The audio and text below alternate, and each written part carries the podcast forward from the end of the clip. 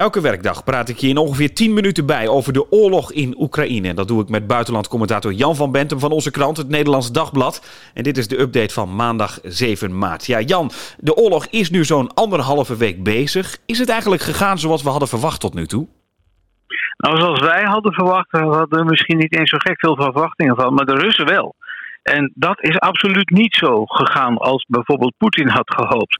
Anderhalve week lang houdt Oekraïne nu aan stand tegen het toch wel machtige Russische leger, hè, de grootmacht. Ja. Um, dat, dat heeft te maken met logistieke problemen aan de Russische kant. Dat heeft vooral ook te maken met een heel fel verzet, een effectief verzet ook van de Oekraïnse kant.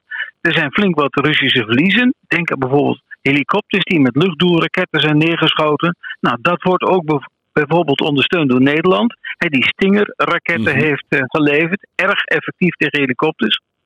En dat soort zaken heeft ervoor gezorgd dat de Russische opmars langzamer is gegaan dan gedacht. Hè. Ze zijn niet binnengehaald met vlaggen, zeg maar, door de Oekraïners. Integendeel. Ja, nou is er, ja, het nieuws van vandaag is dat er een staakt het vuren is sinds vanochtend. Zodat burgers uit onder andere Kiev, Mariupol en Kharkov de kans krijgen die steden te verlaten. Houdt dat staakt het vuren stand? Nou, staakt het vuren houdt deelstand, maar uh, dat verlaten niet omdat de routes die Rusland had vrijgegeven voor het vertrekken uit die steden naar of Belarus of Rusland leiden. En ja, de mensen die willen vluchten uit die stad uh, naar Rusland, die zijn eigenlijk al grotendeels weg. Maar de anderen willen niet naar Rusland of Belarus toe, absoluut niet. Dus dat, dat is een grote hinderpaal, zeg maar. En daar heeft Oekraïne ook eh, flink tegen uitgehaald. Dat ze alleen die kant op mogen vluchten. Ja, maar dat was dus bewust gedaan. Zo van Rusland heeft gezegd van, nou we doen een staakt het vuren. Dat klinkt dan heel chic, maar eigenlijk kunnen ze alleen naar landen waar ze dan niet heen willen vluchten. En waar een belangrijk deel van de inwoners niet naartoe wil. Ja. ja. Nou was het ja, niet voor het eerst hè, dat er een staakt het vuren was. Uh, vorige keer lukte het ook al niet om, uh, om de burgers weg te laten komen. Uh, gaat dat ooit een keer gebeuren dat er wel een staakt het vuren is en dat de mensen weg kunnen komen naar de plekken waar ze naartoe willen? Dat is wel te hopen. Vorige keer uh, zegt het Internationale Rode Kruis lagen mijnen op de weg. Nou, wie zit daar nou precies niet neergelegd? Uh, je zou toch denken ook wel aan, aan de Russische kant, zeg maar, want dat was dan degene die, die dat dan zou willen voorkomen. Maar ja, als, als burgers niet veilig voelen om over zo'n weg te gaan, dan gaan ze ook niet weg. Tenzij de nood zo hoog is. Nou, dat is dus wel wat dreigt. Hè? Dat de nood zo hoog is dat je van ellende dan maar gaat. Ja. Nou, lezen we... Rusland. Ja. Nou lezen we ook dat uh, Rusland zich voorbereidt op de bestorming van Kiev. Uh, dat klinkt, als je dat hier hoort, eh, best wel heftig. Wat weet jij daar precies van? Nou, dat er een vrij grote uh, Russische troepenmacht zich ten, mes, ten, westen van Kiev aan het opstellen is. Dat ook Rusland heeft gezegd van ja, jullie moeten de stad uit, hè, tijdelijk ook uit Kiev weg.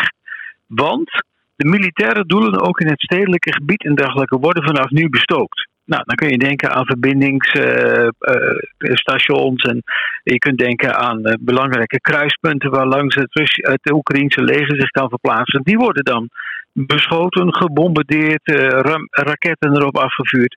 En als daar dan nog burgers in de omgeving zijn, dan kun je een flinke stijging van het aantal burgerslachtoffers verwachten.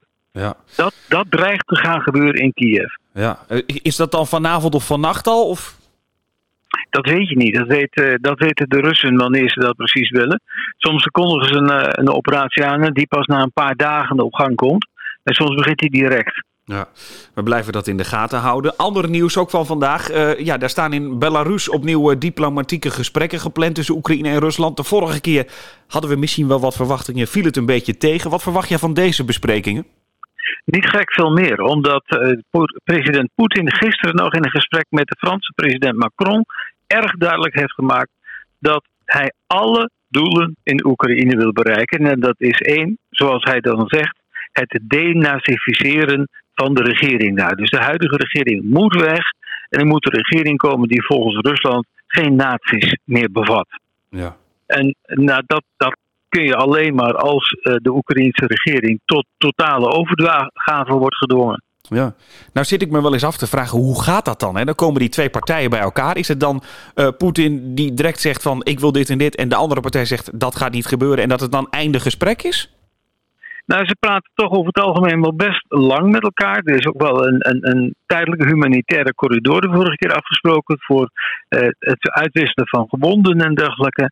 Um, maar kijk, de ene partij wil graag een wapenstilstand, Oekraïne, en de andere partij wil eigenlijk de overgave. En dan kom je niet erg snel bij elkaar. Ja, maar heeft het dan wel zin om af te spreken? Ja, het, het is de enige optie die je hebt om het te proberen. Eh, ik bedoel, als je het niet wilt proberen, is het alternatief dat er veel slachtoffers zullen gaan vallen, zowel militairen als burgers. Dus ik denk dat het je verplichting als politicus is om het toch te proberen te kijken of er bereidheid aan de andere kant is. Tot in ieder geval is een wapenstilstand. En dan kun je altijd nog verder kijken. Ja, jij noemt het verplichtingen. Zal Poetin het niet ook zo zien dat hij denkt: ja, ik moet toch ook proberen, of in ieder geval laten zien dat ik het via de, uh, ja, via de officiële manieren ook probeer? Nou, dat, even een klein detail. Gister, uh, eergisteren heeft hij met een hele hoop stewardessen van Aeroflot aan een tafel gezeten. Allemaal met een pot thee voor zich. En waar overigens geen een van die stewardessen ook maar naar durfde te kijken of te gebruiken.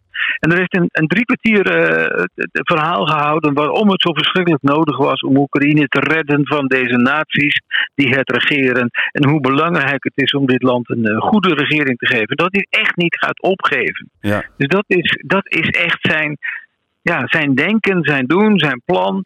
Um, en dat, dat vendt hij voortdurend uit. En niet alleen hij, maar ook bijvoorbeeld de minister van Buitenlandse Zaken Lavrov zegt dat.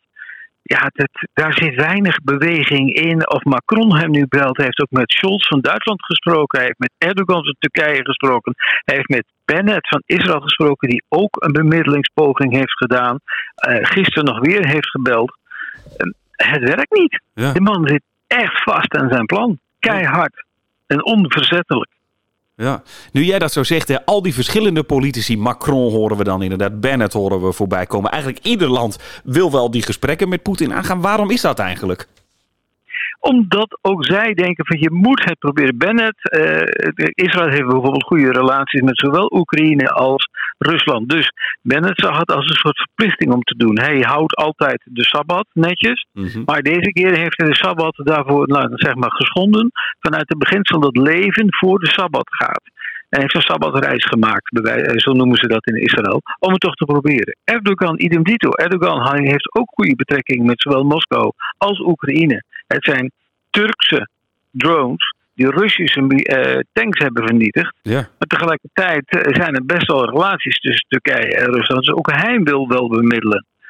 Ja, wat ja, zijn, het, en, zijn het dan betrekkingen of belangen? Uh, die betrekkingen zijn vaak vanuit belangen. Israël heeft goede betrekkingen met Rusland mede om Iran in toom te houden en mede om ervoor te zorgen dat de Russische raketten in Syrië niet op Israëlische toestellen worden gericht. Of dat informatie van Russische radar in Syrië niet bij de Syrische luchtafweer terechtkomt, zodat Israël zijn aanvallen op Iraanse doelen in Syrië kan uitvoeren. Nou, zo zie je die hele mixture, dat hele complex van belangen daarachter zitten. Maar tegelijkertijd zijn er goede relaties met Oekraïne, omdat daar ook veel Joden wonen. Ja. Wat voor nacht gaan we in, Jan? Een nacht waarin uh, de beste mogelijkheid is dat uh, de, zeg maar, de acties van Rusland worden geïntensiveerd. Met name tegen Kiev. En Kharkiv, dat, dat is al heftig. Maar Kiev kan iets vergelijkbaars gaan verwachten. Denk dan ook bijvoorbeeld aan uh, zwakere raketten die s'nachts worden afgevuurd. Zodat je niet meer kunt slapen, zodat je uitgeput raakt. En door uitputting uiteindelijk moet opgeven. We blijven het in de gaten houden. Dankjewel Jan en tot morgen. Uh, heb je een vraag voor Jan of wil je reageren? Dat kan via oekraïne.nd.nl. Dus oekraïne.nd.nl. Tot morgen.